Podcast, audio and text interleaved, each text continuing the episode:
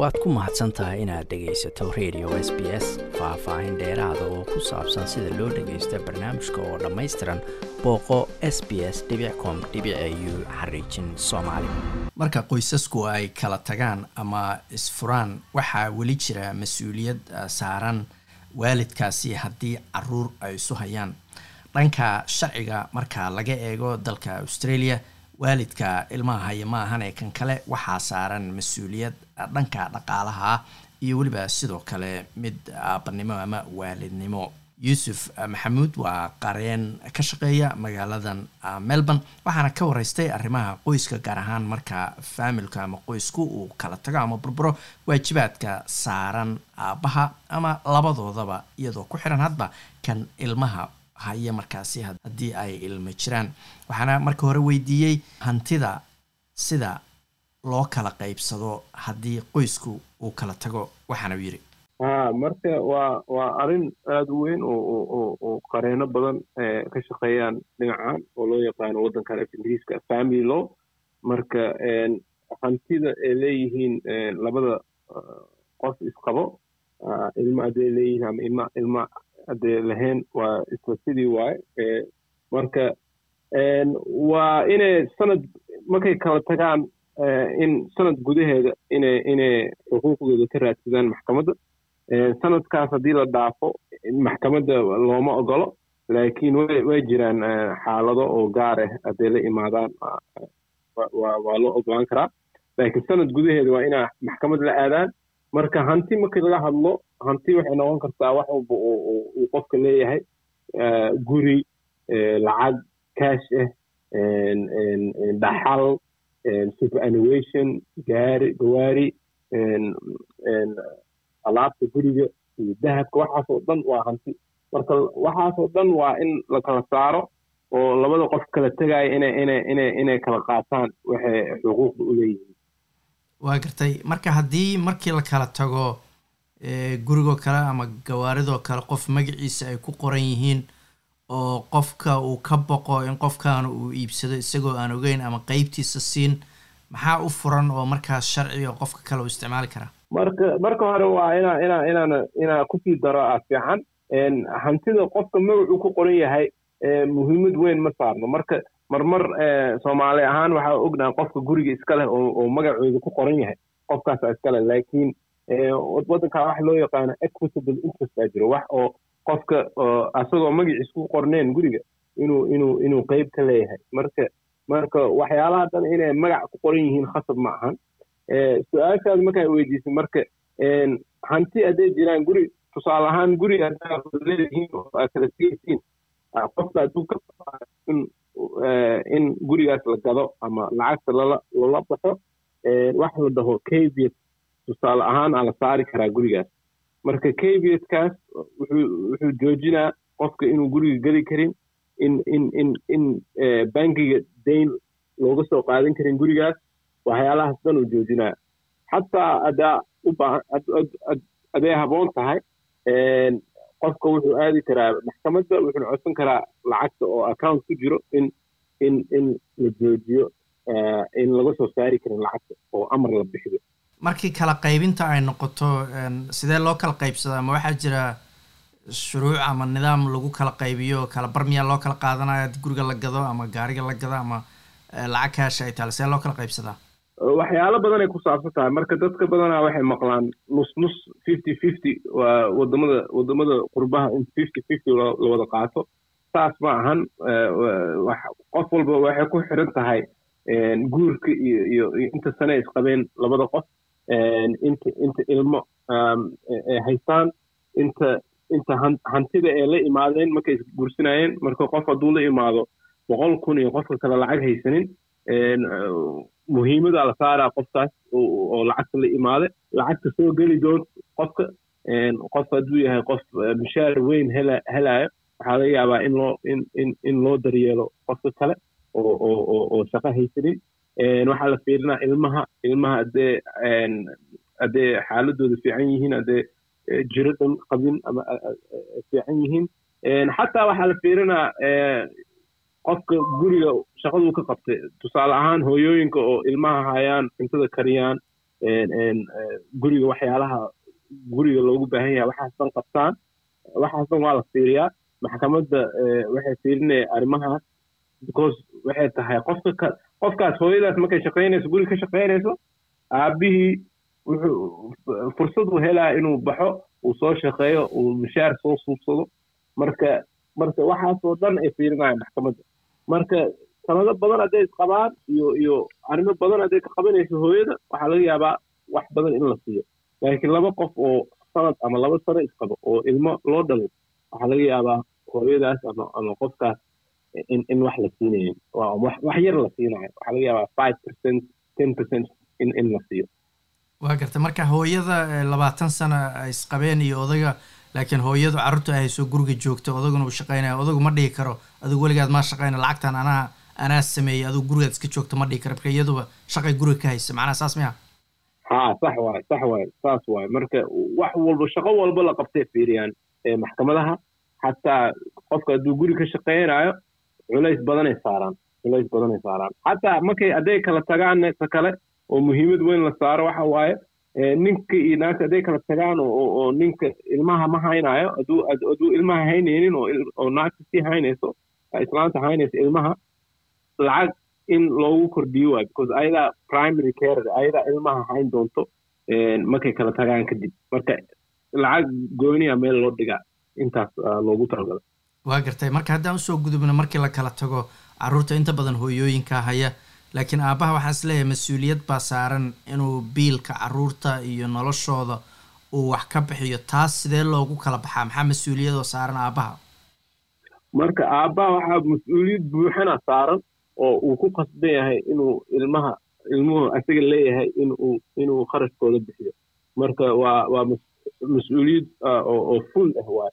Marka laba laba dhinacaa loo fudin karaa labada qof way ku heshiin karaan. Marka kan waa ka duwan tahay hantida la kala reebayo tan waxa waaye waa xuquuq mas'uuliyad saaran aabba walbo iyo hooyo walba xataa hadday shaqayso in ay biilaan ilmahooda. Waa garta marka laba nooc baa loo kala saaraabaa tiri mid inay waa ku heshiiyaan hadday ku heshiin waayaan aabbihiina uusan lacag bixinayn maxaa u furan hooyada? Marka haddii heshiis la imaan waayo ama ama ama aabbihii uu diido inuu lacag bixiyo waxaa jirto hay'ad oo loo yaqaano child support agency oo qaabilsan lacagahan oo ilmaha lagu koriyo. Marka waxay leeyihiin awood fara badan. Lacagta accountka oo aabbaha ama hooyada laakiin aabbay u badan tahay sidaa uu ognahay. Inay accountkiis ka saaraan xoog asagoo ogeyn khasab loogu saaro ka kale tax return haddii canshuur loo soo celinayo in canshuurtaas laga qaato awood waxay u leeyihiin inay dibad hadduu rabo inuu aado in loo ogolaanin oo laga joojiyo airportka. Xataa maxkamad in la geeyo inay geeyaan way awoodaan. Marka waxyaalahaas dhan ay hayaan ay awoodaan. Ta kale hadduu qarinayo ama hadduu shaqaynayo shaqo oo cash la siinayo ee dowladda ogeyn lacagta soo galayo investigation ay geli karaan wax baaris ay geli karaan. Hadday ogaadaan in lacagtaas ka badan uu helo waa la badinaa lacagta uu bixin lahaa xataa waxay noqonay dayn oo lagu leeyahay inuu gudo waa waa garta haddii aabbaha halkan matalan ay xaaska ku kala tagaan laakiin dibadda intuu iska aado uu business ka furto africa ama shaqooyin kale ka helo maxaa laga qaban karaa? Sidee lacag looga qaadi karaa markaa ha marka australia wadamo badan ay leedahay xiriir oo ku saabsan child support oo lacagtan ilmaha lagu daryeelayo u k maraykanka canada sweden wadamadaas dhan oo qurbaha isku xiran yihiin. Marka hooyada hadday joogto wadamadaas xataa hadday joogto wadanka australia hadday joogto ama wadamadaas hadday joogto ninka hadduu wadamadaas joogo waa laga saari karaa. Waxyaalahaas awooddaas dhanaa ka hadlayno way leeyihiin. Wadamadaas qurbadana waxaa lagu sii dari karaa kenya malaysia south africa zambia. Wadamadaas oo dhan heshiis ay leeyihiin labada wadan. Marka hay'adaha hay'adahooda way isku xiran yihiin. Marka waxyaalaha dhanaa ka hadalnay qaban karaan. Lacagtaas ee hooyada u baahan tahay way ka soo qaadi karaan waa gartay hooyadu markay lacag cayra centerlinkey ka dalbanayso ay tiraahdo waa kala tagnay odagii single mother baan ahay. Hooyada miyaa ku qasban marka odagii ay kala tageen inay lacagii child supportiga weydiisato mise dowladda hawshaas u qabanaysa? Mid kalaa raba inaan ku daro arrintaas oo dibadda oo aabbaha iyo hooyada kala maqan oo oo rabta in in lacagta ilmaha loo looga soo qaado waxa aan aragna mar mar maalmahan niman badan oo dibadda aado oo oo oo gabdho wadamo kale ku guursanaayo oo ka soo tegaayo marka gabdhahaas waxa waxa waxaa jeclaan lahayn inay soo istaagaan. Siiba kenya iyo malaysia hadday joogaan wadamadaas oo nimanka qurbaha jooga ugu badan yihiin inay dalxiis u aadaan.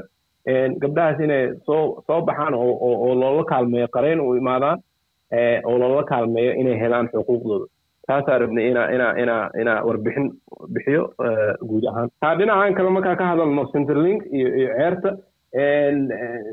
Centerlink waxay ka rabaan hooyo walba ama aabo walba ilmo korinayo in ay ka inay ka doontaan xuquuqdooda oo oo lacagta laga rabo waalidka hadday ka soo qaadi waayaan centerlink way ka jarayaan intaas qiimahaas way ka jarayaan laakiin waxaa jirto waxaa laga daynaya hooyooyinka iyo iyo oo oo qoyska dhibaato qoys soo mare ama ama dagaal qoys soo mare waa loo ogol yahay in laga dhaafo oo lacagtooda buuxana la siinaa ayaga oo loo loo baahnayn inay ka doontaan lacag ninkii ilmaha dala waa garta matalan haddii ay kala tagga sababtay oo kale in odagu gacan u geysan jiray ama dili jiray hooyada lama dhihi karo ninkii inta raadisid lacag ka soo qaada maadaama ayba ka soo carartay. Sax sax saas waay. Marka dowladdu way og yihiin dadkaas oo kale oo hooyooyinkaas oo kale in dhibaato weyn kaga soo gaarayso lacagtaas laga laga dabagalayo nin oo gacan qaadayo. Waa gartay carruurta inta badan ka hadashay iyo lacagta xaqa ay ugu leeyihiin aabbaha ama hooyada kan hayamaana kan kale laakiin xaaska ama gabadha laftigeedu xaq ma ugu leedahay ninkii ay kala tageen oo biil siiyo? Ha marka xaaska xaqeeda wa aada uga yar tahay. Ilmaha ilmaha waa waa waa mas'uuliyad buuxan oo oo aabbaha uu ku qasban yahay inuu inuu lacagtaas bixiyo laakiin naagta ay kala tageen ama islaanta ay kala tageen marmar dhifdhif way jiraan in loo loogu qoro badanaa waxay tahay nin taajir camal nin nin lacag nin lacagley hadduu yahay oona gabadha tahay gabar oo lacag fiican soo gelin oo shaqo haysanin. Mararkaas camal waa loogu qoraa waa loogu khasbaa inuu inuu inuu markay kala tagaan kadib uu mushaar u qoro ama ama lacag u qoro. Marka badanaa ma ahan ilmaha ilmaha ilaa ee ka weynaadaan waa ilaa sideed iyo toban sida waddankan ee ka gaaraan. Laakiin badanaa hadduu xaas tahay ee kala tageen. Waxaa laga yaabaa tusaale ahaan lix bilood ama laba sano camal intaas gudaheeda inuu ku khasban yahay inuu inuu inuu inuu lacag siiyo.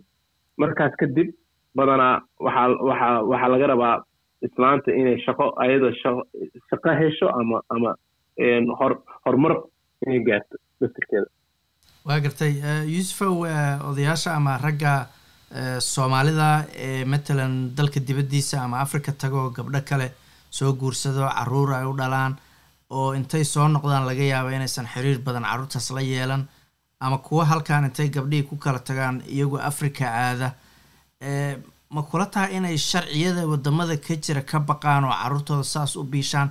Miyaan marka horeba aabbanimadii aysan ku jirin in carruurtii ilaahay siiyo iyagoo ay dhaleen inay biishaan shuyuuq badanaa joogo maasha allah oo ka hadli kara arrinta dhinaca geeska oo diinta waa ognahay kulligeena xuquuqda aabayaasha oo saaran oo dhinaca diiniyan iyo aakhire waxa la isweydiinayo talabaad waxaa ku dari lahaa waa intaa shaqeynaya qareennimada ka shaqeynaya wax badan saameyn weyn uu ku yeelanayaa communitygeena iyo shacabkeena.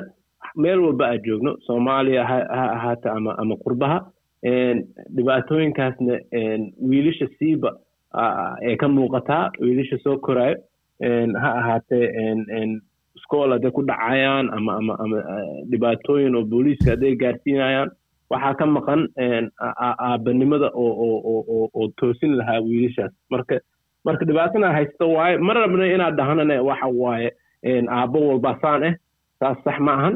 Marka aabayaal fiican oo oo oo ilmahooda lacag lacagtooda iyo iyo iyo iyo dadaalkooda gelinayaa jiro. Laakiin saameyn waa waana ognahay laakiin in in wax arrin dhibaato nagaga soo gaaraysa inay tahay dadka badankooda way og yihiin kaasina wuxuu ahaa qareen yuusuf maxamuud oo ka howlgala magaalada melbourne. Waad ku mahadsan tahay inaad dhegaysato raadiyaha s b s. Toos u dhegaysa barnaamijka habeenada arbacada iyo jimcada tobanka fiidnimo ama kaga soo cesho website-ka iyaga iyo s b s radio app booqo s b s com au xariijin soomaali